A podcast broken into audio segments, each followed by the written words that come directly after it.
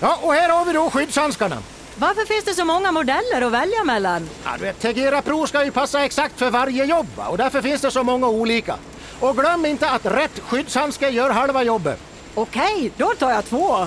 Tegera Pro, skyddshandskar för yrkesproffs. Just nu får du extra hjälp att välja i butik. Då var det dags igen. Sanne och Svensson är tillbaka efter en alldeles för lång sommar med avsnittsnummer 33. Och 33, vad förknippar vi med det? Jo, man skulle kanske kunna säga, jag säger självklart Daniel Trucken Karlsson. Det är det absolut första jag tänker på. 33, Troja-ikon. Ja, jag visste att du skulle ta honom. Det känns som att det är, det är en favoritspelare hos dig va? Ja, men det brinner man för en eh, defensiv back som, eh, som jobbar på något, eh, någon industri där i Ljungby, har gjort det i alla år, brinner för Troja Ljungby. En sån spelare älskar man. Kapten sedan ett par år tillbaka. En spelare som aldrig behöver jobba på industri i alla fall, men en stabil defensiv back minst sagt, är ju Sedno Chara. Lockout-säsongen spelade han i Färjestad. Också lockout-säsongen var Fredrik Modin lagkamrat med mig i Timrå. En riktigt bra kille. Eh, vi kan fortsätta på backar då som jag då eh, hade uppe och Stefan Bergqvist, vi är väl inte välkomna i Leksand om vi inte plockar upp honom, men vi lämnar honom där och sen har vi en AIK-ikon i David Engblom. Han är väl materialare nu och har ASS-tränare också. Har han inte varit i AIK? Nej, det är väl frågan. Var han både back och forward när han spelade eller? Ja, ja absolut. Ja, ja. Jag tror att till och med nästan att han var målvakt eh, någon gång kanske. Men han, han har varit snurrat runt på alla möjliga positioner i AIK. En riktig trotjänare. På tal om trotjänare i Linköping, Fredrik Envall, eh, som fick sparken. För vem ersatte? Jo, general manager Niklas Persson. Ja, han lär vi få anledning att återkomma. Han har kört hårt den här sommaren. Han träffade jag för övrigt när jag var i Åre i somras. Då kom han ner för backen och precis cyklat där. Pajen ropade. Men vem åker till Åre på sommaren? Man jagar väl värme, inte kyla? Ja, men det var väl, eh, det är väl trevligt att åka till Åre. Jag gör det varje sommar i alla fall. Eh, jag tar, eh, river av två andra, två som har vunnit SM-guld båda två. Elias Fält var med i Frölundas guldlag 2016. Sen har vi ju guldmakaren från 2012, Jakob Silverberg. Jäklar vad bra han var i det slutspelet. Ja, då Färjestad som jag spelade i åkte ut mot Silverbergs Brynäs. Han var, ja, han var överlägsen, grym han var. En annan som har vunnit SM-guld är Ari Wallin 2009 med Färjestad. Han har också 33 en riktig skön, en av de absolut roligaste spelarna jag spelar med. En, kom på det nu, en ganska kul eh, historia var året efter eh, Ari Wallin lämnade Färjestad så spelade han i Helsingfors, IFK Helsingfors. Eh, och då skulle vi möta dem i det som hette European Trophy, du minns det innan COL. Och eh, de hade då mött, tror jag, dagen innan hade de varit i Stockholm och eh, kom eh, till, sent till eh, hallen i Karlstad. Och våra materialare tvättade deras matchtröjor. Och det var ju för bra för att vara sant. Jag såg att då 33an Ari Wallin, han hade nummer tre då i eh, Helsingfors. Jag såg att den hängde inne hos materialaren för den var nytvättad. Sagt och gjort, vi sydde in den tröjan. Så att vi sydde in då två, tre centimeter på varje sida. Så han satte på sig den här tröjan, han märkte ju ingenting. Och på matchen, det såg ut som ett korvskinn på honom. Och Ari Wallin hade väl en ganska rund eh, kroppsform. Eh, så, så det var lite som jag, som ett äpple eller som ett päron kanske. Ja, men nu har ju du gått bort massa kilo här i sommar. Ja, kanske jag har väl ätit upp det mesta redan, men... Eh. Ja, men då, alltså, vi satt i båset, det var ju ändå en match som gällde någonting. Alltså, vi skrattade hela båset, tränare, spelare, så fort han var på isen. Det var som ett korvskinn på honom. Alltså det var ju på den gamla practical joke-tiden. Ja, det var bättre alltså, förr. Ja, det ja. var så va? Ja, då, då fanns det fler smeknamn alla trucken och fler möjligheter för, nu är det allt så seriöst där. Jag tror det är svårt att göra det i COL nu och sy någons tröja. Men vi, en 33 vi absolut inte får glömma, en av svensk hockeys bästa spelare genom alla tider. Henrik Sedin. Edwards to Daniel Sedin. Going to the net. Daniel centers. Henrik Deeks scores! And they're all going to come off the bench to congratulate Henrik Sedin. 1,000 points in the NHL.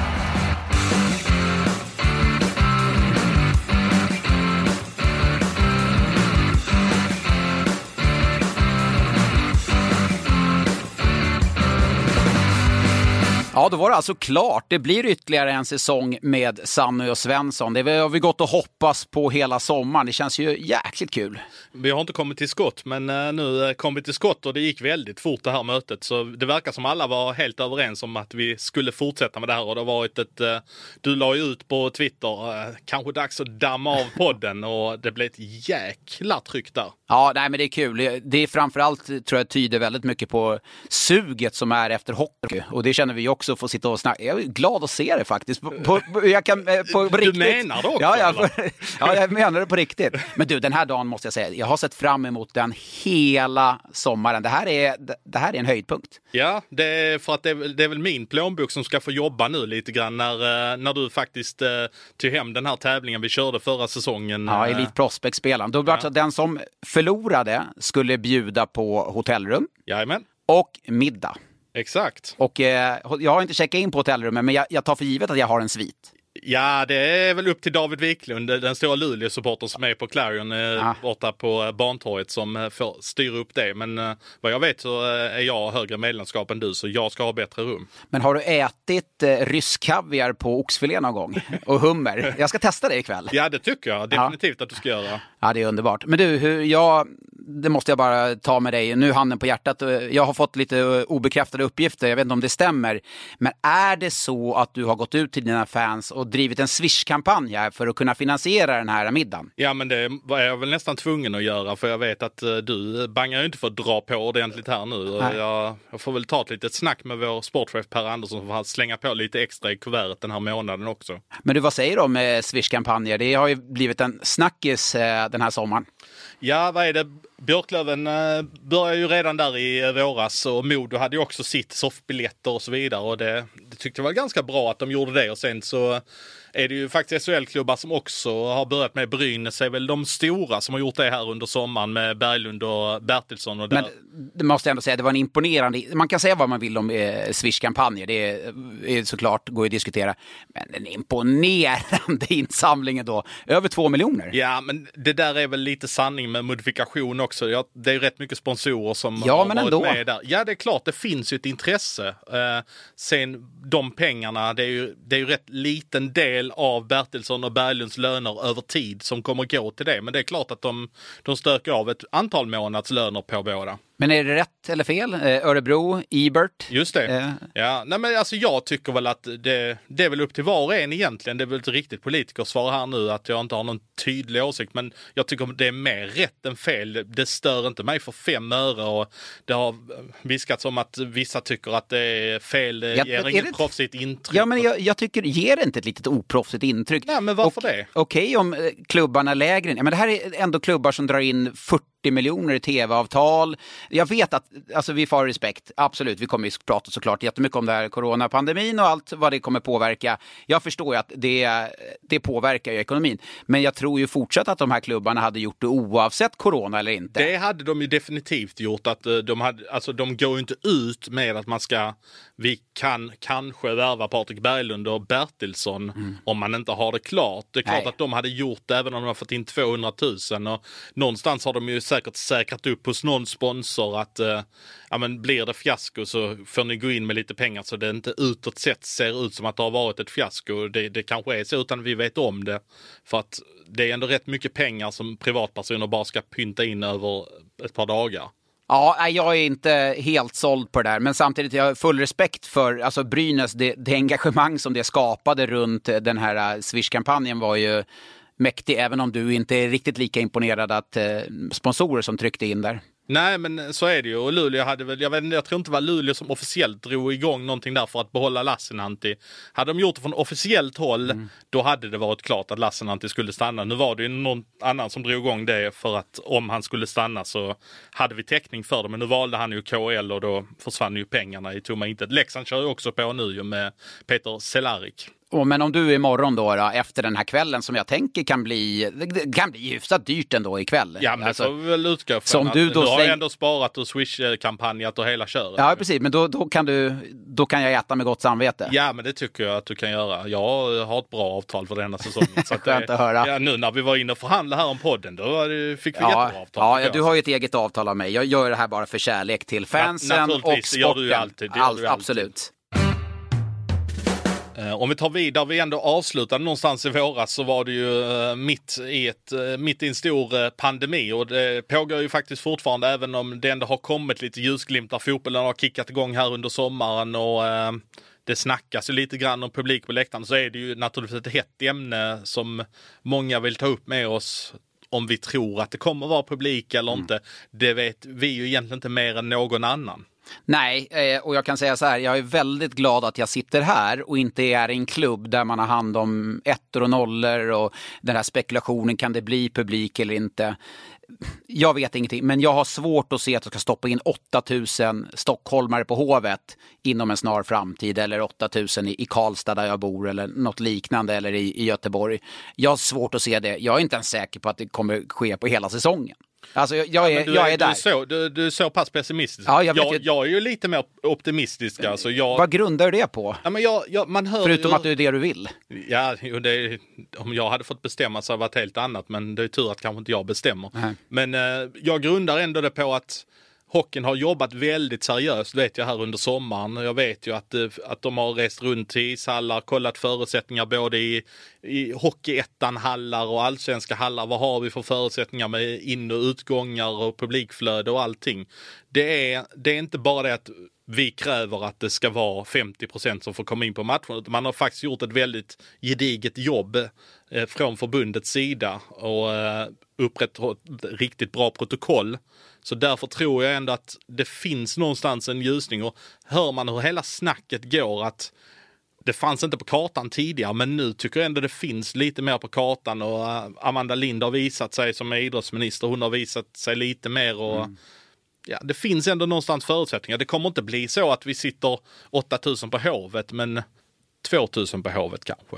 Ja, men hur ska du göra då, då? Du som är en gammal ståplatsräv som har stått på ståplats. Vilka ska släppas in av de här 8000? Alltså, Ja, men först och främst så är det ju säsongerna som kommer. Det, någonstans så kommer, tror jag att man kommer få utgå från att det är en procent av hallens kapacitet som får komma in.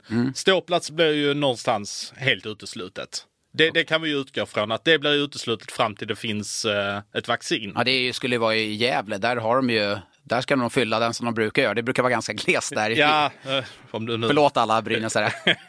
Jag fick du in det också. Nej, men det är klart, ja, Malmö har väl också ganska gles på sin ståplats, men det, det kom, man kommer behöva vara, det kommer finnas lite struktur i det och det, man kommer behöva gå in i olika ingångar, nyttja toaletter i grupper på ett helt annat sätt. Att eh, man får inte beblanda sig med andra och det kan bli att man registrerar vem som sitter på respektive sektion så att man har koll om det har blivit någon form av smitta på en sektion så kan du begränsa det där för då vet du att de på sektion A har inte varit i kontakt med de på sektion B.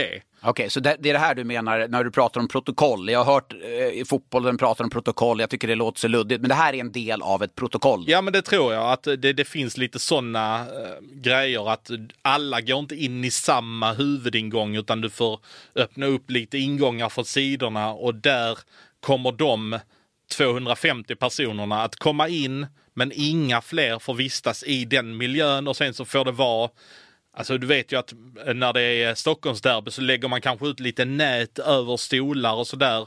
Man får göra lite sådana ytor där eh, man, helt, man måste helt enkelt vara på den delen av arenan. Öppna arenor finns ju inte på kartan till exempel utan det får ju vara eh, väldigt basic eh, som man går på hockey. Men eh, Hockeyallsvenskan har väl eh, tagit något formellt beslut att man ska skjuta upp serien. SHL har sagt att man ska starta 19 september. Vad, vad är rätt, vad är fel?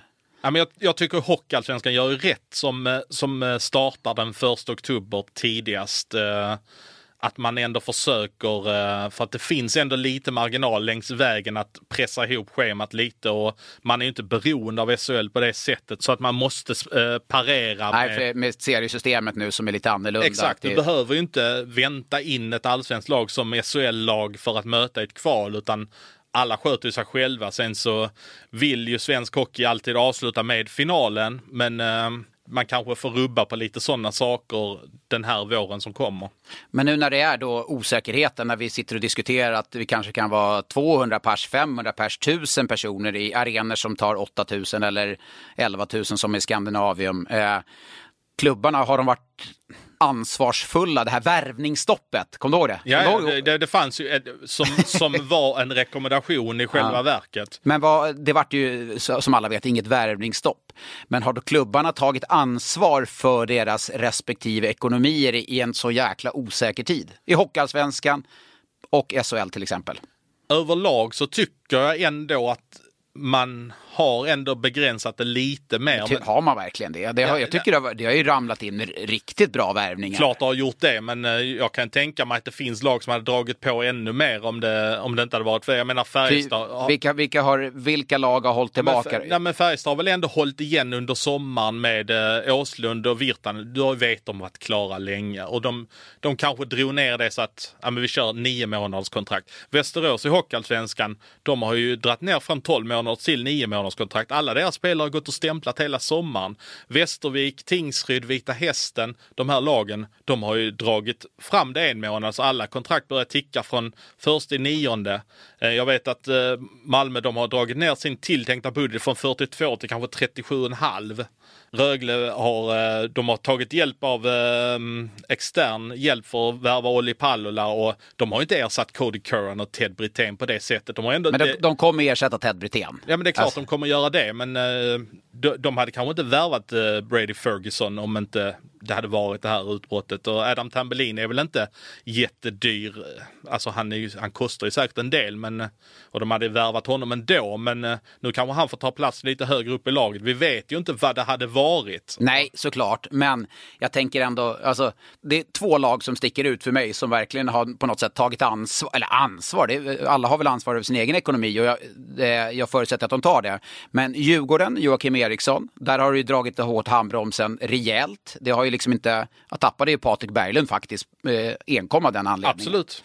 Och eh, Luleå tappade Jesper Källgren enkom av den anledningen och har eh, strykt eh, värvningen av Koma, eller Ja, de att skulle behålla ju behålla Comarc. Alltså om du tar Sellgren där som ett exempel så eh, fick ju Luleå honom på bordet. Eh, det hörde jag när jag skrev i samband med nyheten där när jag blev ganska chockad över att jag fick ett bra tips att eh, han ska till Frölunda. Bara, Wow, shit! Ja, för det var ju oväntat. Ja, det var det ju. Och eh, där hörde jag ändå att Frölunda har ju fått honom, tittar vi ett normalläge så har ju Frölunda fått honom för ett reapris. 140 har de betalat i månaden för honom vad jag hörde. Det är ett coronapris kan vi säga. Ja, alltså, det det en sån spelare är uppe på 190-200 om det hade varit normala omständigheter. Definitivt. Alltså Luleå, eh, de kanske ville vara med och leka lite och erbjöd honom kanske 60-70 tusen i månaden enligt vad jag hörde. Men det är ju inte... Där fattar jag ju att Sellgren hoppar på Frölunda och i Luleå så hade han ju varit en av nio backar i Frölunda så är det garanterad topproll. Luleå hade ju redan i stort sett spikat sin backbesättning. Fick ju behålla Nils Lundqvist här i somras också. Ja, ja, det är ju vilken, det vart ju nästan en värvning i sig där, eh, när Lundqvist var kvar. Och det var ju ett smart beslut med tanke på att NHL kommer starta upp så pass sent. Men eh, det kommer ju landa någonstans i att klubbarna måste vända sig till spelarna. Spelarna måste ta ansvar för klubben. För att det kommer, det kommer, ekonomin kommer sina. Det kommer, det kommer inte ha ekonomi kvar. Och då tänker jag, ett lag som Linköping då som, ja, som har lagt ut rätt mycket pengar på Men, men vad kan de ha lagt ut Linköping? Det snackas ju om jättehöga belopp på Marcus Ljung. eh, Bara för att de skulle verkligen nu sätter vi ner foten och budar ut vi ska ha en klasscenter här. Ja, alltså det fanns ju uppgifter för, för 300 000. Jag, jag säger inte emot de uppgifterna, men, men om man räknar att han skulle ligga på 200 000, 250 000. Mm. Det är ju ändå mycket pengar. Absolut, du har Palve då, en andra center. Han kanske ligger på eh, 200 000. Och så har du... Eh, Du har ju Ojamäki som in, 150 kanske. Ja, och så har du Nikkele backen säkert 150. Och så eh, målvakten Lundström då från Vita Hästen, kanske 50, i förhållandevis billig. Du har alltså 8 miljoner kronor i månaden i, i, i kostnader som man har dragit på sig. Men risken för att åka ut är ju stor och Linköping var ju lindansarlaget. Klart, jag förstår att de måste stärka upp. Men när de vänder sig till spelarna och säger ni måste eh, dra ner 50% på er lön. Hade jag varit agent till några av de här spelarna som befintliga eh, spel, Linköping så hade jag varit, men vänta nu, ni värvar de här spelarna, det är, alla förstår ju vad de tjänar. Mm. Men det, när Jocke Eriksson ringer till en agent eller Uffe Engman eller Skuggan uppe i Luleå, vi må, självklart, vi förstår. Men ni har inte dragit på er några galna kostnader för ni har ju förstått vart det här leder. Ja, alltså lite roligt där med Djurgården för att vi avslutade där i våras med att eh, jag var ju alldeles för het på gröten med Manne Ågren där när HV hade blandat sig och dunkat på att det var klart och grejer. Men det kanske satte fart på Djurgården, Djurgården andra Ja, men det var ju exakt det det gjorde för att då var det inne i sluttampen. Det fick ju gå upp på styrelsebordet för att Djurgården hade ju verkligen inte råd att behålla Manu Manuel Ågren utan de fick ju verkligen gå till styrelsen och säga nu har vi en sista chans att behålla honom. Ska vi göra det så är det de här 130 som gäller eller vad det nu landar på. Men eh, skulle du vilja säga att eh, det kryddades lite där hans eh, kontraktsvärde då när du gick ut och sa att HV, att han var klar för HV? Nej, nah, det vet jag inte. Jag tror de, det var mer nog jag som drog på lite för hårt med HV. Jag vet ju att HV var stenhårt inblandade i det, men eh, jag tror att eh, Djurgården hade väl nästan ett take it or leave it till. Eh, de visste ju ändå någonstans att han väldigt gärna ville stanna kvar under Robert Olsson och trivdes bra i Stockholm. Så att eh, de satt ju ändå ett bra läge, men eh, han fick ett bra kontrakt. Eh, Ja, ja. Gick ju upp i lön säkert sett till det tvåårskontraktet han skrev för två år sedan och han har ju bevisat, alltså Manuel Ågren kan ju säkert göra 35 poäng i SHL. Ja, ja, han är ju en jätteintressant spelare med, med den farten som, som Djurgården verkligen behöver. Men om vi, om vi nu bara lägger det här corona och allt det här gnället och när vi sitter med våra pekpinnar, vilket lag har värvat bäst? Sett ur eh, ansvarstagande Nej, perspektiv nej eller? men nu, stå, nu, eh, nu får vi stå, stå på två olika ben här. Alltså om du bara... Rent sportsligt Rent sportsligt. Strunta i vad de kostar spelarna och hur ekonomin ser ut om två månader. Utan vilket lag har värvat bäst? Ja, men ser man till kvaliteten som fanns i truppen innan värvningarna började och vad truppens kvalitet är på pappret efter så är det ju Linköping som har värvat bäst. Tycker jag i alla fall. Ja, men vad betyder det om du då skulle ranka Linköping? För, för det, det är ju min känsla. Linköping, de blir ju bättre, men frågan är hur mycket bättre? För det, det är ändå tuff konkurrens att ta sig upp från 10-11 till 6 7 8 Ja, men man ska ändå ha klart för sig att Linköping, om vi tittar från att Jonas Junland kom hem eh, i januari och framåt, så var de ju ett bättre lag än den placeringen de hade i sluttabellen. För då fick de ju ändå leva med allt skit på hösten. Som, Absolut. Så att eh, jag tror ändå Linköping, rent kvalitetsmässigt så är de ju säkert ett lag som är bland de tio. Men du vet ju lika väl som jag hur små marginaler det är. Vad händer om Jonas Gustafsson går i sönder och så ska Ja, ja, Lundström slängas in och så är Petri Nickel inte lika bra och så börjar någonting strula för Junland och Bäckman kommer inte tillbaka. Alltså det blir ju ganska tunt direkt. Ja. Ja, men, eh, ja, ja, så är det ju. Men jag håller med om att Linköping har, har värvat bra. Men ett lag som faktiskt också har gjort det bra, som har byggt om hela sin backsida, är ju Frölunda. Tycker den, de har fått ihop det bra. Eh, med, nu med Jesper Sellgren, Norlinder, Jens Olsson som jag tror kommer kunna bli liksom rätt nyttig i det laget med sin skicklighet. Och så unga Filip Johansson där från Leksand. Det känns som att de har byggt om och byggt rätt, ska jag inte säga, men alltså byggt bra. Ja, du är inte så imponerad av Stefan Elliot som jag är. Nej, jag, nej. Jag, jag tyckte han var faktiskt väldigt fin i HV när han var där. Han var okej i HV. Alltså... Nej, men han, jag, jag tyckte han var fin varje gång jag såg Men ska, honom. vi- ska vi betta någonting då? Poäng, ska vi sätta något poängtal på honom? Och och redan... Ja, men om vi tänker så här, vad, vad kan Elliot, vad kommer han få för roll? Vad, han Lennström, kom- Lennström kommer ju spela lite powerplay här under hösten. ja, men han, kom, han kommer ju spela powerplay. Eller? det, det, Som- det är klart han gör det. Ja, hö, högerskjutande back. Och de, de kommer bygga powerplay lite annorlunda nu när Ryan Lash är borta till exempel. Ja. Så att det, det är klart Men att... vad, vad, vad ska en sån importback göra? Det, jag tror inte att det blir på att kan han nudda på Genoway-nivå? Det är jag väl väldigt tveksam till. Men strax under Genoway. Han kommer vara bättre än Donovan och han kommer vara bättre än Stollery definitivt. Ja, ja, jo, precis. Jo, men det, jo, men det är att han Så är jag bättre än tror att han landar Det, det någonstans, jag mellan, varit. någonstans mellan Donovan och Genoway. Ja, tror säg- jag, I kvalitet. Ja, men, ja, precis. Men säg, säg ett poängtal så ska jag säga eh, högre eller lägre. Ja, men då drar jag till med eh, mm, 25,5. Högre eller över eller under 25,5. Men då, alltså en, du menar att en offensiv back som du tror jättemycket på som kommer spela powerplay, då tycker jag 25 poäng är ganska lite. Ja, det är... Ja, alltså förstår du, ja, men det, det är ju rätt snå. Jo, Alltså, men det kommer ändå tampas om den här eh, speltiden powerplay. Det- När Lennström är med och så kanske man Norlinder, ja. Nej, men jag jag, alltså. ja, men, ja, men jag säger att han gör under då. Alltså, Jag tror inte stenhårt på honom. Gör inte nej, nej, han är, kommer vara en okej back liksom. Mm. Men inte en sån här uh, wow-back, ingen toppback. Ja, så du kör eh, under 25,5 och jag kör över 25,5. Ja, där har du handen. Jajamän. Nej, men man får in, coronatider Nej, får nej, man men inte vi skaka hand. sitter ju bara en precis. meter från varandra Ja, nu, precis. så Ja, det- ja, det är bra. Men en annan sak som ändå är intressant när det gäller Frölunda är ju faktiskt att Lash är borta, eller? Ja, alltså jag tror väl han... I normal värld så hade han väl säkert kunnat dykt upp i Frölunda om eh, ekonomin hade varit eh, där den borde vara. Men eh, jag, jag räknar inte bort honom från Frölunda. Nej, alltså räkna bort honom skulle inte jag heller göra för han är trots allt fortfarande på marknaden. Han har ju inte gjort någon hemlighet att han vill till eh, Schweiz eller han vill till K- allra helst KHL för han har ju varit i Schweiz och Ja, jo- nu vill han ju åt de riktigt stora pengarna i Ryssland som blev någonting annat nu efter det läget. Hade han signat det ryska kontraktet i januari så Ja, hade ja. han gjort rätt. Men han valde ju faktiskt att vänta ut marknaden och det var Nej. ett, ett dumt beslut Ja. facit i hand. Så är det ju. Det är ju svårt att förutsätta eh, liksom, vad, vad som sker, speciellt i den här tiden. Och Men- det finns ju klubbar i Schweiz som har visat intresse. Jag vet tre schweiziska klubbar varit på stenhårt. Han har ändå valt att ligga lågt. Kanske för att pengarna ändå inte har varit så jättehöga. Han har väl en fru som är från Finland också. Mm. han så. tränar ju med Pelicans nu läste jag. Ja. Han är där och tränar lite. Så att eh, han finns ju i eh, närområdet får man ju ändå säga. Eh, och det, det finns ju såklart lite SHL-klubbar som har visat intresse och Frölunda vill ju säkert vara med och leka också.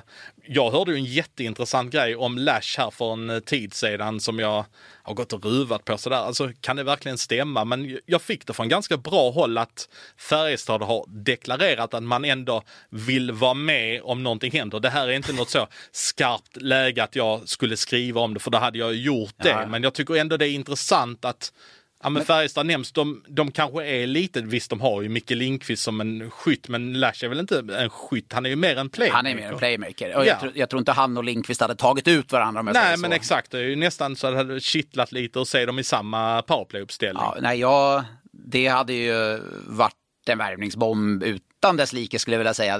Lash är ju väldigt förknippad med Frölunda och en av Frölundas största rivaler är ju just Färjestad. Och att Färjestad, som ändå har en väldigt bra forwardsida, aviserar eller eh, hur man nu har gjort det eller om man har anmält något form av intresse. Ja. Bara att, att de har anmält eller ens tittar på det namnet, det är ju faktiskt Ja, du får inte säga att de är bland de största rivalerna. Jag fick lite skit av det när jag skrev, eh, det var, det var faktiskt när Lennström, när jag breakade den nyheten, när Lennström skulle gå från Färjestad till Frölunda. Och då skrev jag någonting i stil med att, han, att de uh, värvar från rivalen. Och då fick jag på fan från Färjestad-håll att uh, Färjestad har en rival och det är Djurgården. Jaha, jag tror det var HV71. Nej, det är Djurgården enligt eh, vissa inbitna eh, hardcore-fans. Nej, det fick jag snabbt veta när jag kom till Färjestad. Vi hade förlorat ganska stort mot HV71. Då hade vi kvartssamtal med några supporter. Då sa han att HV71 är viktigast att vinna mot. Så att, eh, där får jag gå emot den supporten kanske. De, Ja. Supporterna har bättre koll än vad jag hade. Men det, i alla fall på den tiden var det... Ja, Djurgården är, och det, det, kanske är, det kanske är olika generationer då så att säga. För att Färjestad hade kanske duster med Djurgården på 90-talet. Eh, De hade ju Globen-matchen 98 och sen så var det väl säkert någon SM-final i början på 90-talet också mellan lagen. Och är det de två lagen som har vunnit flest SM-guld? Nu, vågar- nu är jag kanske ute på riktigt tunn is här. Brynäs har väl rätt många SM-guld. Ja, Brynäs har ju... Färjestad vet jag har nio SM-guld. Brynäs har väl eh, 13 SM-guld och Ja, Djurgården har exakt. väl och eh, Djurgården har väl 16. Ja, någonting sånt. Eh, Alla som har Google tillgängligt, googla det här och så... Ja, det, vi, vi, vi gör inte bort oss utan vi är medvetna om att vi är ute på tunn is här. Men eh, då, jag har fått klart för mig då att det, det, men det var ju från en lite äldre supporter och det, det kan ju vara supportrar som var med på 2000-talet, Ja. på 10-talet. Då var det ju ändå rätt mycket duster Ja, mellan tror, Färjestad alltså, och... det är klart att Djurgården är, är rivalitet och det var ju för, för förra säsongen när Djurgården vann i match sju mot Färjestad. Var det också, den var ju het den matchserien så, att, det- så det är klart att det finns känslor lagen Men det emellan. måste ju finnas känslor också där på, om man nu får kalla Karlstad för västkusten. Det är, skiljer det 25 mil mellan städerna och det har ju ändå funnits lite, det har ju varit någon SM-final där Frölunda vann guld när Ja, ja. Niklas Andersson avgjorde. Då Så- var det ju mellanlagen där. Absolut, så eh, det har vi sett här. eh, Lockout-säsongen var det ju bland annat. Det har gått mycket härliga matcher på, på More eh, nu den här sommaren. Ja, du har... eh, Ja, jag har suttit och kollat en del, det, det kan jag säga. Men du, när, när vi ändå är inne på det då. Eh, man pratar ju liksom, det är mycket stämning, lagen, rivalitet och så. Om SHL nu, när de drar igång 19, eh, oavsett om du får 100 eller 200 personer. Har du sett NHL någonting? Ja, lite grann. Väldigt Men måste ändå vara ändå imponerad av NHL där. Alltså sändningarna, alltså, Ja, jag har fått en jättebra känsla Ja. för, eh, för matcherna. Att, ja, men jag får en rätt så god eh, tv-känsla här och tittar på detta. Jag har inte märkt av att publiken är borta på det sättet. Nej, nu, nu är det en annan eh, läktarkultur i USA eller Nordamerika kontra Sverige. Du har inte klackar på det sättet. Men om vi då drar att eh, när matcherna drar igång 19 september, jag tycker ändå man ska lägga en liten ljudmatta där för att liksom, visst, det kanske är, det är mot allting som svensk står. Jo, Ishockey- men det är ett annorlunda läge nu. Ja, och det är rätt skönt så här, man har lite publikljud. Det är inte så att om eh, Luleå Vi är specialister på det vi gör, precis som du. Därför försäkrar vi på Swedea bara småföretag, som ditt. För oss är små företag alltid större än stora och vår företagsförsäkring anpassar sig helt efter firmans förutsättningar. Gå in på swedea.se företag och jämför själv. Hej, Synoptik här. Visste du att solens UV-strålar kan vara skadliga och åldra dina ögon i förtid? Kom in till oss så hjälper vi dig att hitta rätt solglasögon som skyddar dina ögon. Välkommen till Synoptik.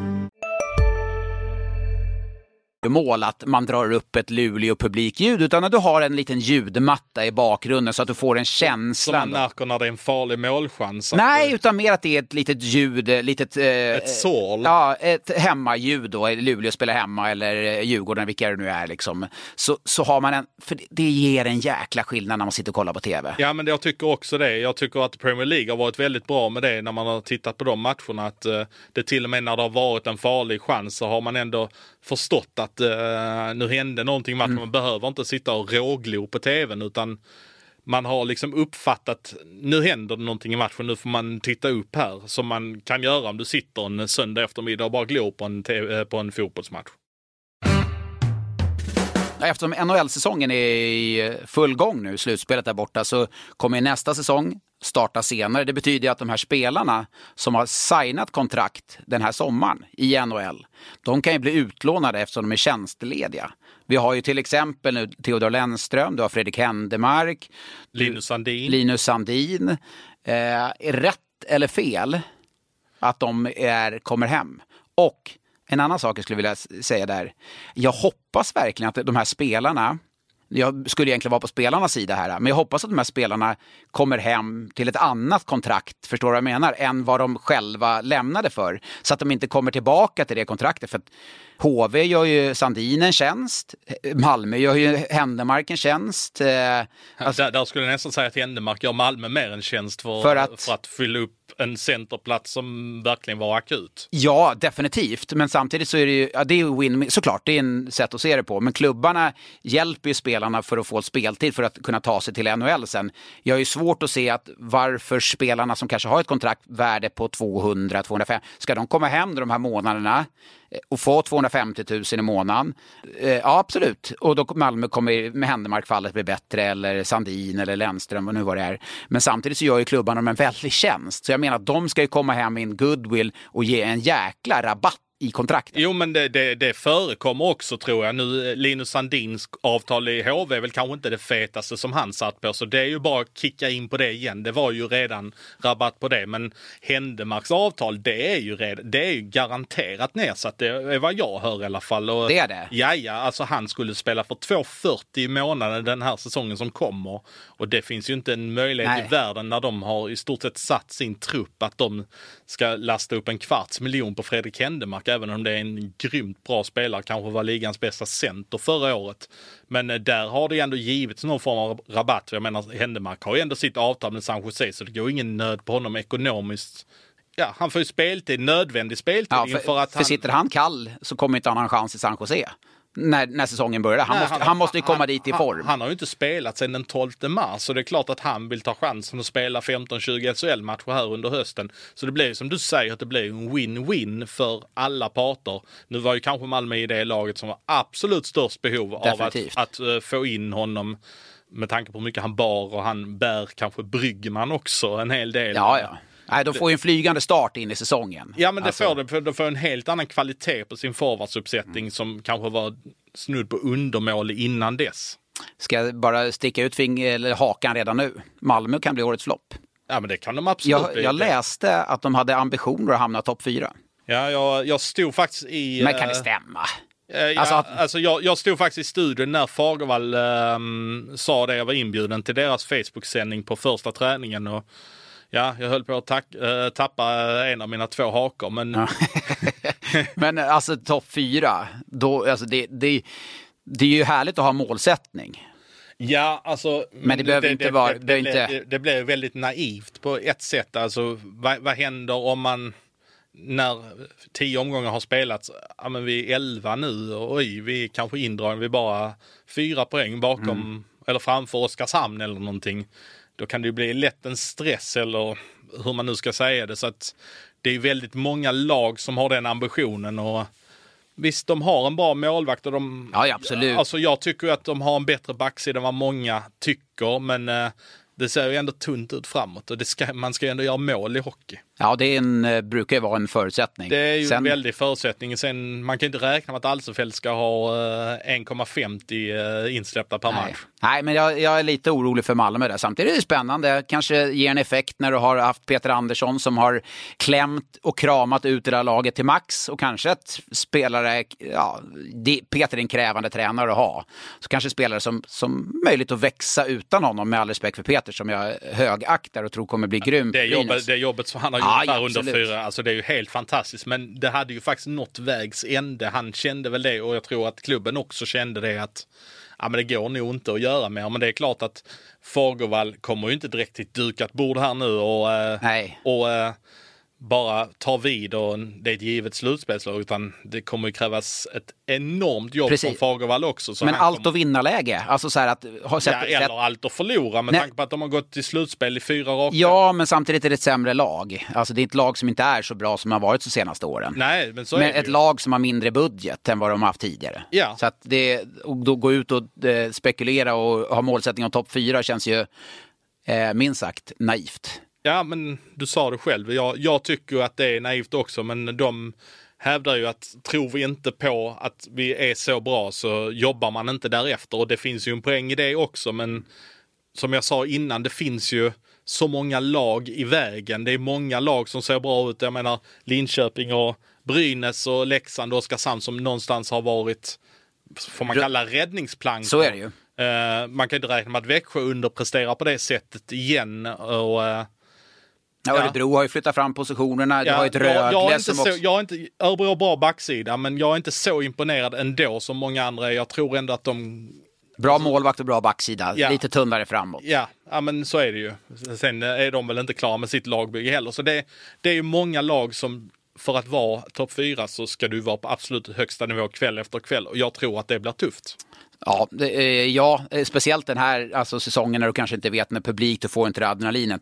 Men ens, när man får låna hem spelare då så är det en spelare jag är lite extra nyfiken på som tycker att det är kul att han kommer tillbaka. Det är Tobias Björnfot i Djurgården. Ja, många som jag har pratat med säger att han har växt något enormt här under tiden som han har varit borta i LAs organisation. Definitivt. Och jag menar, han var kapten i det U18-VM när de vann guld. Han var med i JVM. Han är bra på skridskorna. Djurgården som ändå behöver förstärkning på backsidan. Man får det i form av en egen kille som vet på något sätt vad som krävs att spela i föreningen.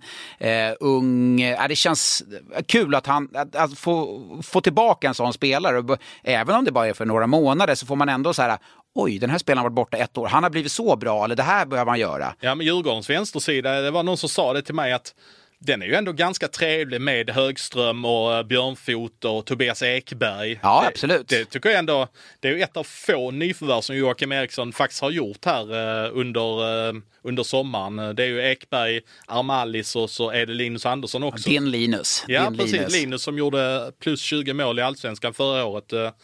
Eh, De hoppas väl säkert att han... Han får, får ju möjlighet nu då, för eftersom de inte har värvat så, eh, spelare så... Det är väl så, han eller Holt som ska stå och bomba där Det är uppe. Holt som kommer stå där och bomba. Ja, det är klart att han kommer göra det också, men det finns ju möjligheter för honom att kanske bomba i ett PP2. Ja, absolut. Men nej, men den som får spela med Jakob Josefsson där som, som center nu när du tappade Pat, den naturliga centern är Patrik Berglund. Ja, och tänk ändå Jakob Josefsson. Det var lite hattigt fram och tillbaka. Mm. Och det har jag sagt tidigare, när Jakob Josefsson fungerar, då fungerar Djurgården. Vad var du kallade han för? Ja, han är väl Djurgårdens eh, Viagra-piller sånt. Ingen aning var du fick det ifrån, men det var faktiskt bra sammanfattat. Ja, men så är det. Men det är rätt intressant på Djurgårdens centersida. Där eh, har du ju Josefsson, du har Sebastian Strandberg, du har Haga, du har Tom Vandell. Kalle Östman. Kalle Östman Ja, också. bra på centersida. Det, det får man ju verkligen ge Djurgården att där har de det väldigt bra ställt och där hör jag redan att man tittar över det inför nästa säsong. Man kanske inte...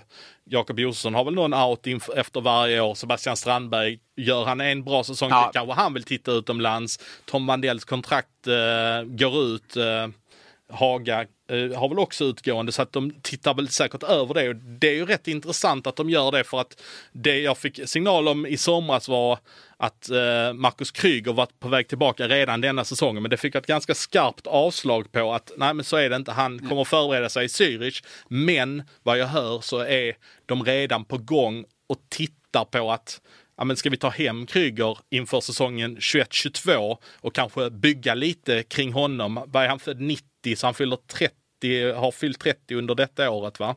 Eh, ja, precis. Och eh, tänk dig den centersidan då, om du bara, alltså det blir ju, det skulle bli löjligt ju. Ja men tänk om... Josefsson, Kryger, Strandberg, topp tre centrar. Ja, då, vem, vem, är, vem är trea då? Ja, nej, det, det beslutet skulle inte jag vilja ta som, eh, som, som coach där. Men det var ju intressant att de redan nu är, är på Ja, men hugger. det, det får man ge Jocke Eriksson att han är väldigt duktig på att underhålla sina gamla spelare sådär att han etabler- har en god relation med alla längs vägen och jag tror att det är jättestor chans att Marcus Kryger väljer att komma hem för han var borta i Nordamerika, nu har han varit lite i Europa.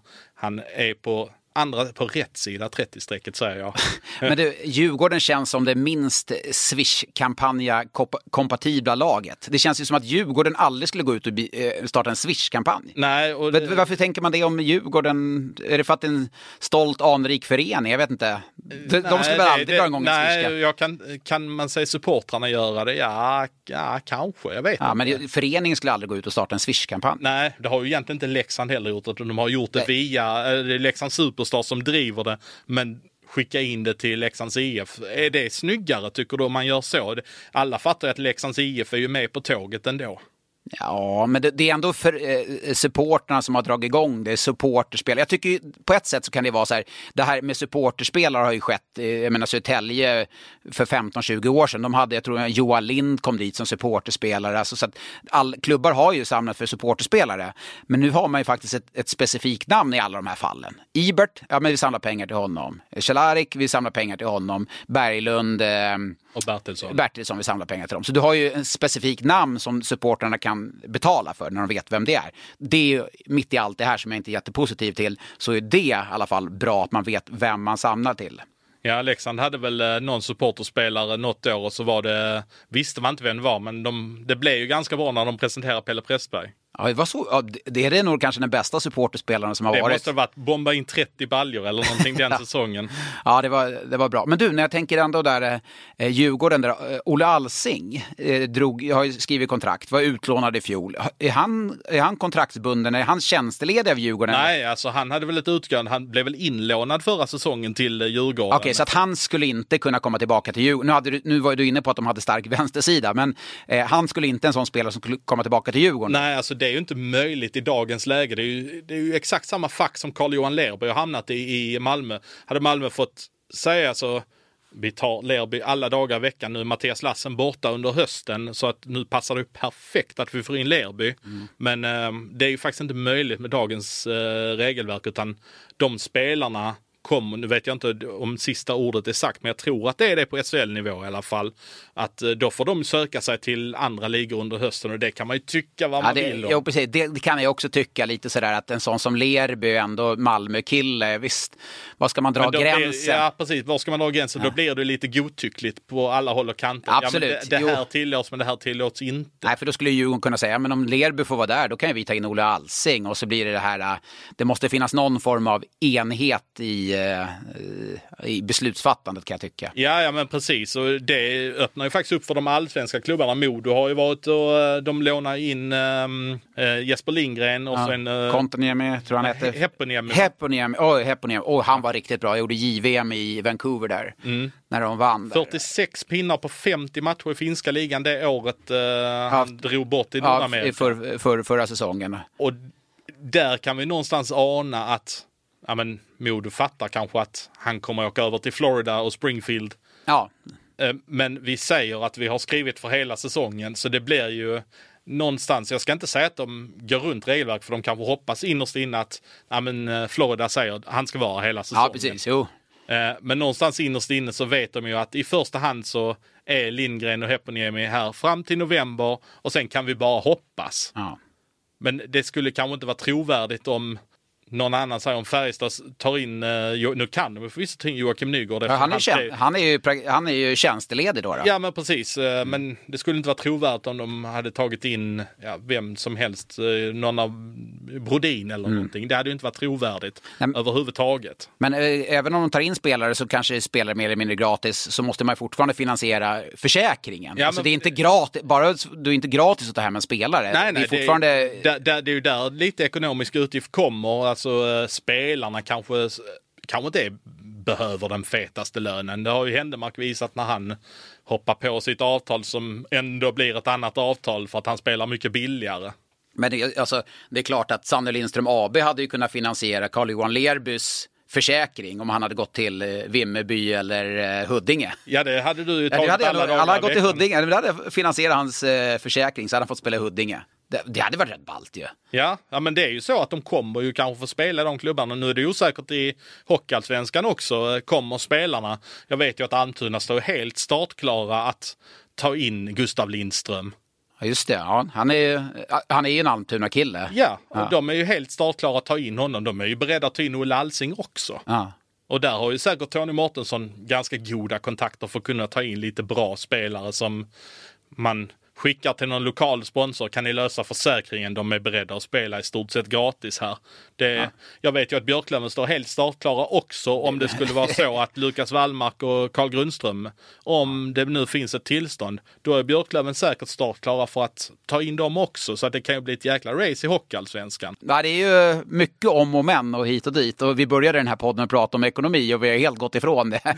men, men Nej men där, där tror jag att det, det är inte så att det kommer skjuta sönder klubbarnas ekonomi utan där blir det ju någonstans att de får spela på klubbarnas premisser. Att, eh, att klubbarna någonstans ändå gör dem en tjänst att de får spela hockey under hösten. Man får lösa försäkringsbiten eh, och så eh, får de spela i stort sett gratis för att de får bo hemma i Umeå då i Grundström och, och Wallmarks fall. Vi vill ju ha med er som lyssnar eh, såklart även denna säsongen och eh, även fortsättningsvis kommer vi skicka ut en eh, fråga här om det är något aktuellt och vi har väl haft uppe rätt mycket. Vi, innan vi börjar så tittar vi ändå igenom, ja men det här brinner folk för mycket. Det var många som brann för Djurgården till ja, exempel. publik, publik, publikfrågan, vad händer? Hur, klar, hur klarar klubbarna ekonomin? Det är många som ställer sig frågande till, såklart. Ja, nej, men det är ju det är ju mycket frågor som vi tar upp här som vi inte betar av som frågor så att säga. Men eh, vi kan ta eh, en fråga här som till exempel eh, har kommit upp som är väldigt vanligt förekommande som vi inte har haft uppe är tippa serien eh, 2021 och där kan jag väl säga direkt att vi kan väl få hålla lite grann på den för att eh, då får vi ändå chansen att se lite träningsmatcher och se hur lagen ser ut och vad som kommer in och så vidare. Även om man skulle tippa serien i september så vet vi ju hur mycket levande dokument det här är så att man tippar ju oftast väldigt fel eftersom det kan se helt annorlunda ut i eh, november än vad det gjorde tidigare på säsongen. Så att det, det blir oftast fel. Men, vi, Men jag, jag kan säga ett lag som kommer vara en eh, positiv överraskning. ja men gör det då. HV71. Ja. Tror stenhårt på det laget. Ja, det- Stenhårt på HV71 i år. Jag tycker det är så intressant. Det är bara för att du älskar både Jesper Kokkonen och... eh, Nej, nej, det är för att jag älskar Dammis. Du ser tröjan. Ja, naturligtvis hade du den på dig. Ja, såklart. Det är alltid podd, då har jag min Dammis-tröja på Alla mig. de kronorna som du investerar i den. Det, Det är det- väl investerade pengar. Den tröjan sitter på kroppen ofta, men nu sitter den lite lösare. Tycker du det? Ja, Ta, vad snäll du är. ja är det, eh, jag vet inte vad du har gjort, men eh, Spela paddel. Är det paddel som är tricket? Det är paddel som är tricket. Vad var det du drog milen på? Kan du inte berätta det offentligt också nu? Oh, 45-10. 45-10? Ja. Då är, då är det, vad sa du, 4,30 per kilometer? 4.31. Jag har ju målsättning att komma 4.30 och komma under 45 minuter. Mm. Men jag kan säga, hade jag sprungit en kilometer på 4.30 så hade 31, 4.31. Jag, ja, då, ja, det hade räckt att sprungit på 4.45. Ja. Då hade jag varit död efter en kilometer. Ja, det, ja, jag mår väldigt bra. Jag har insett att eh, min kropp och mitt huvud mår väldigt bra av träning. Så att, eh, det, det är en bra andningshål för mig att träna. Men det, det struntar ni i såklart. Du, eh, någonting som jag tyckte var väldigt roligt i fjol, det var ju att du berättade när vi podden att du satt och hade ritat upp powerplay-uppställningar i eh, Björklöven. Ja, det, Bara- det, det, gick du igång på. Ja, men vem sitter och ritar upp powerplay-uppställningar bara sådär, hur som helst. Men då säger eh, Jesper, Ingos pojk, han frågar hur formerar ni Lövens backsida? Då passar jag över den direkt till dig. Lövens har ju en, en Nu fick de in Zach Palmquist ja, här. eh, fick och fick, de swishade in honom. 600 000 kronor i ett Ja, bräde. ja, det är, alltså, jag säger ingenting, det är imponerande uppslutning kring de här Swish-kampanjerna. Jag tycker det är oproffsigt. Ja, nej, men om vi ska gå till hur eh, deras eh, backsida kan tänka sig ut så eh, Alexander Popovic tar jag ju bort som, han blev ju nia direkt. Han är ju eh, född 01, han kommer inte spela mycket som det ser ut i dagsläget. Men eh, eh, Rahimi och eh, Norbe kan jag tänka mig är någon form av första backpar. Ja, stabilt, det låter bra. Sen kan jag väl tänka mig att Carl Johansson, eh, han är ju ganska allround. Ja, men, löser situationerna Och trivs bra. i Per Kentes spel uppenbarligen. Han och Alexander Deilert kanske kan jag tänka mig som eh, ett andra backpar. Ja, du sätter dem där. Du skulle inte vilja ha Rahimi och Deilert då? Eh, nah, ja, ja, Ja, kanske, okej, nej, men- nej, men det är väl lite... Och Deilert, och Norbe kanske, de får spela med varsin partner där i första backpar. Sen har vi... ehm, Sen har vi Zach Palmquist också som ja, men en bra tvåvägsback. Eh, han absolut. kan få spela med en eh, annan nordamerikan. Han och Adam Plant kanske Ja, får gå som... eh, Tredje backpar. Det är helt okej, Ja, det är man helt okej. säga. Ja. Men det kan man väl nästan säga att de kan lika väl vara ett Ja, andra absolut. backpar. Ja, absolut. Och sen så blir det ju nyförvärvet Erik Ullman skulle jag säga som kanske får gå med Acke Hellström som sjua, åtta. Då är det väl Acke som är Mm. Åtta. åtta för mig. Ja. Acke betyder väl nästan mer i omklädningsrummet än vad han gör på isen. Du känner honom som. Acke? Acke Hellström, ja. Ja. Alexander Hellström. Ja, jag, jag, är mer Alexander med honom än Acke. Du är det Ja. alltså? Ja, jag vet inte vad, om det är någon som har sagt, planterat in Acke på honom. Men Ja. eh, okej, Alexander Ja, annars hade Hellström. jag nog ha varit mer Acke med Herman Aktell, tänker jag, som gick till Växjö. Eh, Ja, ja, jag har det på honom. Ja, har det kanske. Ja, precis. Ja, ja det är sant. Ja, men eh, Acke Hellström är åtta, så att eh, eh, den backsidan är ju, ja, jag vet inte, de, hade de gått upp i våras kanske de hade gått in med exakt den backsidan, men hade Men, ju varit väldigt lik. Ja, Norrbe var ju jättebra tycker jag. Jag förvånad att han gick till, eh, valde Hockeyallsvenskan. Han måste ändå haft SHL-bud på bordet, Norrbe som tycker jag var jättebra när han gick in i HV71 i fjol. Det tycker jag definitivt. Men eh, om jag tar en fråga från Kalle Ös eh, till dig då. Bästa målvaktsparet i ligan, håller Luleås målvaktspar eller har de så pass bra försvarsspel? Vi bör, om vi börjar med bästa målvaktsparet skulle jag säga Niklas Svedberg, Mantas Armalis. Eh, tycker jag Mantas, i, nu, säsongen i fjol förstördes ju när inledarna med skador där. Sen Niklas Svedberg visade ju verkligen revansch i fjol. Eh, det tycker jag är det bästa målvaktsparet. Vilka är starkast konkurrenter till det? HV kanske med Alnefelt Ja. och Gunnarsson skulle jag nästan Ja, det, säga. det, det där uppe definitivt. Tycker jag har ett bra målvaktspar. Skellefteå är jag intresserad av med, med Lindvall där också. Eh, Söderblom. Söderblom som har ju varit bra i Tingsryd. Men Färjestad har väl ganska vasst målvaktspar. ja, ja Holm, är, Holm är bra. Eh, Haukeland är lite Är det, bra. Nej, det är Haukeland. Haukeland. Min fru är från Norge. Nu kommer jag få, hon lyssnar för sig inte på podden, men det kanske jag borde haft koll på hur det uttalas. Ja. Men eh, till Luleås målvaktssida kommer definitivt hålla. Jesper Wallstedt är en jätte, jättefin talang. Han har ju spelat tre år nu i, i Luleås J20 och han är, han är mogen, redo att stå bakom det där stabila försvaret. Eh, och eh, Rautio är en målvakt, han, han är bra liksom. Han är en underskattad målvakt. ja, men det tycker jag. Alltså Rautio, han var väl ändå målvakt när Brynäs var SM-final Ja, 2017 va? Sju- 2017, ja, men det är fortfarande en bra målvakt och speciellt i det där äh, stabila, trygga försvarsspelet. Så att, visst att Lassinantti ersätter man inte så. Eh, Han var seriens bästa målvakt och varit så under flera år. Men jag tycker ändå att de, de har ett eh, väldigt bra alltså, eh, struktur på målvaktsparet. Unga Wallstedt som kan bli nya Hugo Alnefelt om du förstår vad jag menar, som får ett genombrott. Och Rautio som ändå är rutin, som jag tror är väldigt bra för en ung kille att få gå bakom eller vid sidan eller kanske framför och jobba med. Hur ser fördelningen ut där i matcher? 52 matcher ska fördelas på de två. Vad hade du slängt in? 22 för Wallstedt och 30 för Rautio? Ja, det beror ju helt på. Alltså, jag menar, går Wallstedt så pass bra? Han kommer ju spela JVM Wallstedt så att han blir borta under den, den perioden. Men eh, ja, nå någonting i den stilen. Och skulle det vara framåt slutskedet av säsongen att, eh, att man märker att Wallstedt är the guy man ska gå med, då kommer Rautio stötta honom, helt övertygad. Och då kanske man lastar mer matcher på honom. Så att, men någonstans i den eh, eh, belastningen, men kanske att det blir en övervikt för Wallstedt mot slutet av säsongen om han får den utvecklingen som jag tror att han kan få. Vi flyttar oss raka vägen rakt ner söderut i landet och en het potatis i Ängelholmstrakten är ju från Jakob Johansson. Det är inte Jacke Johansson utan Ah, eh, okej. det, är, det är nog någon annan som har eh, samma legendariska namn som nummer 26 i Ängelholm.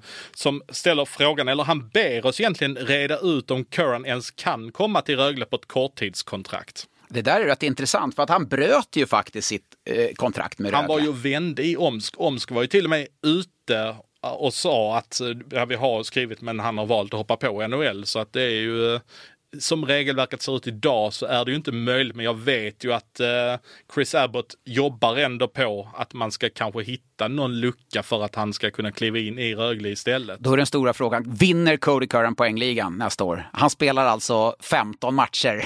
Det blir kanske Han kan kanske jobba in det bästa poängsnittet bland backarna. Ja, han kommer göra mer poäng på 15 matcher än vad Elliot gör på en hel säsong då kanske. Du drar till det så långt då? Nej, då. Nu tror ni att jag inte gillar Elliot, absolut inte. Men Cody Curran, det, det vet ju du att jag älskar Det, Cody det, Currans vet inte, det, spelstil. vet, det vet inte bara jag, det vet varenda människa som Ja. lyssnar på Ja, den det, är här svårt, podden. det är svårt ibland, det var svårt att vara objektiv när Cody Curran spelade för jag var så enormt fascinerad av den utveckling och, och eh, spelare han var. Men det är en Jonas Larsson som är en trogen lyssnare för han är ofta med och ställer frågor här. Bästa värvningen under sommaren är väl givet. Ett namn, Ja, du, eh, vi gjorde ju en lista här för ett tag sedan Ja. där vi eh, Ja, det var ju du som, eh, vi kom ju fram till gemensamt att det var Jesse Virtanen, men jag hade ju faktiskt Joel Persson på min lista. Han, För att? han tillför Växjö någonting som de inte har haft. Eh, en offensiv Mm. dimension, man behöver inte förlita sig på Ilari Melart. Nej. Och hur tror du att Ilari Melar kommer att ha samma succésäsong i år Han som han kommer, hade i... han kommer absolut inte vara dålig, men eh, och, Han- eh, han- jag såg Henrik Evertsson sa i någon intervju, han har ett bättre skott än vad många tror. Det sa han ganska tidigt. Ja. Och det ha- hade han Ja, faktiskt ja. rätt i. Ja, sten. Ja, ja, det har han. Ett riktigt bra skott. Det har, inte, det har inte varit så välriktat tidigare, men det var det i inledningen av när han kom där. Öste in mål. Vad blev det till slut? Kan det bli 11-12 11-12, mål? ja, men han var uppe i 8 efter typ 10-12 matcher. Någonting sådär. Så att det är väl mer rimligt att förvänta oss andra halvan med skörd än eh, första halvan. Ja, absolut. Men han fyller ju ett annat syfte också. Men du säger Joel Persson. Ja, en supervärvning. Men jag säger Jesse Virtanen. Han var ju faktiskt eh, seriens bästa back när han lämnade Färjestad. Jag ser ingen anledning, trots en inte alls så lysande säsong i fjol i KL, att han inte skulle kunna vara det den här säsongen också. Passar perfekt in i Färjestad, spelsätt med fart, eh, bakifrån, följer med på anfall och i powerplay. Ja, nu om Ryan Lash kommer som också, så har du Ryan Lash och Virtanen där, då skulle ju kunna fira stora triumfer. Hur glad är Jens Westin nu då? Ja, han är nog väldigt glad. Han är nog eh, väldigt glad att få Virtanen vid sin sida där. Han, eh, Han är Bryggman Händemark-glad så att säga. Att, eh, att man... Ja, exakt. Ja, han är Lars-glad kan man säga. Ja, Det- ja, det- för Lars var väldigt glad att eh, Händemark var tillbaka. Ja, jag och jag tror Jens är väldigt glad att eh, Virtanen är tillbaka. Så kan vi konstatera. Ska vi ta en avslutande fråga här också? Det kommer från Patrik Andersson, en Mora-supporter. Han förekommer lite då och då i flödet. Eh, naturligtvis en Mora-inriktad fråga, även Leksands-inriktad fråga. Johan Hedberg är tillbaka i svensk hockey. Han är färsk som huvudtränare. Vad tänker vi om det? Vad, vad, vad kan du om Johan Hedberg som ledare? Eh, Jag vet att var Johan Hedberg än har varit så är han älskad som människa. Väldigt omtänksam, eh, tar hand om sin omgivning. När han var spelare och när han har varit ledare också. Så Är han det, fortfarande älskad i Leksand? Det tror jag nog. Alltså, det, var inte så att han valde bort Leksand för Mora, utan de är olika divisioner, de kommer inte stöta på varandra. Så att jag menar, han måste ju ha ett arbete. Jag, jag tror inte att det är någon jättehard feeling så. Sen är det klart att rivaliteten finns ju där. Men jag tror att han är väldigt varm som, alltså som person, som det människa. Det har jag också fått när jag har sett honom eh, i lite videoklipp från Moras hemsida. Mm. Att, eh, precis det du säger, en väldigt varm människa och, och det, bryr sig. Sen är det också den här omställningen, det är inte helt enkelt att komma. Han har varit borta i Nordamerika väldigt länge nu och är liksom så influerad av, av eh, den typen av hockey. Och komma hem då och göra en omställning till europeisk eh, hockey och svensk, det, det kan ta lite tid. Men jag tycker att det är en spännande värvning eh, som eh, Peter Hermansson och Mora har gjort där. Det, det är en av de mer spännande tränarvärvningarna har gjort och de har gjort en del de senaste åren. Ja, vi eh, tackar helt enkelt från poddstudion här på Kungsholmen i Stockholm. Det är inte ofta vi sitter så här mitt emot varandra, men eh, idag gör vi det och det är alltid trevligt och nu ska vi ha en riktigt trevlig kväll här. Eh, vi kan väl lova att vi kommer ut här, ja, vi kan väl säga i god tid innan serien sätter igång så att vi hinner värma upp ordentligt inför säsongen. Det här var ju bara ett litet teaseravsnitt då, utan vi, vi, vi, kör, igång, vi kör igång på riktigt här när säsongen närmar sig. Så så hörs vi här framöver. Ja, och Joakim Sundberg, du som räknade ihop Elite Prospect-spelaren i fjol. Tack så mycket. Du, du borde ha varit på den här middagen med mig för jag ska njuta av den här gratismiddagen och sviten på Clarion. Det är du Svensson. Tack för det.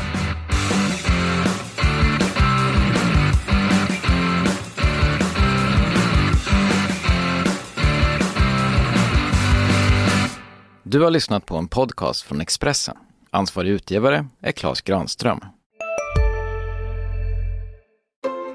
Just nu pågår vår stora season sale med fantastiska priser på möbler och inredning. Passa på att fynda till hemmets alla rum, inne som ute, senast den 6 maj.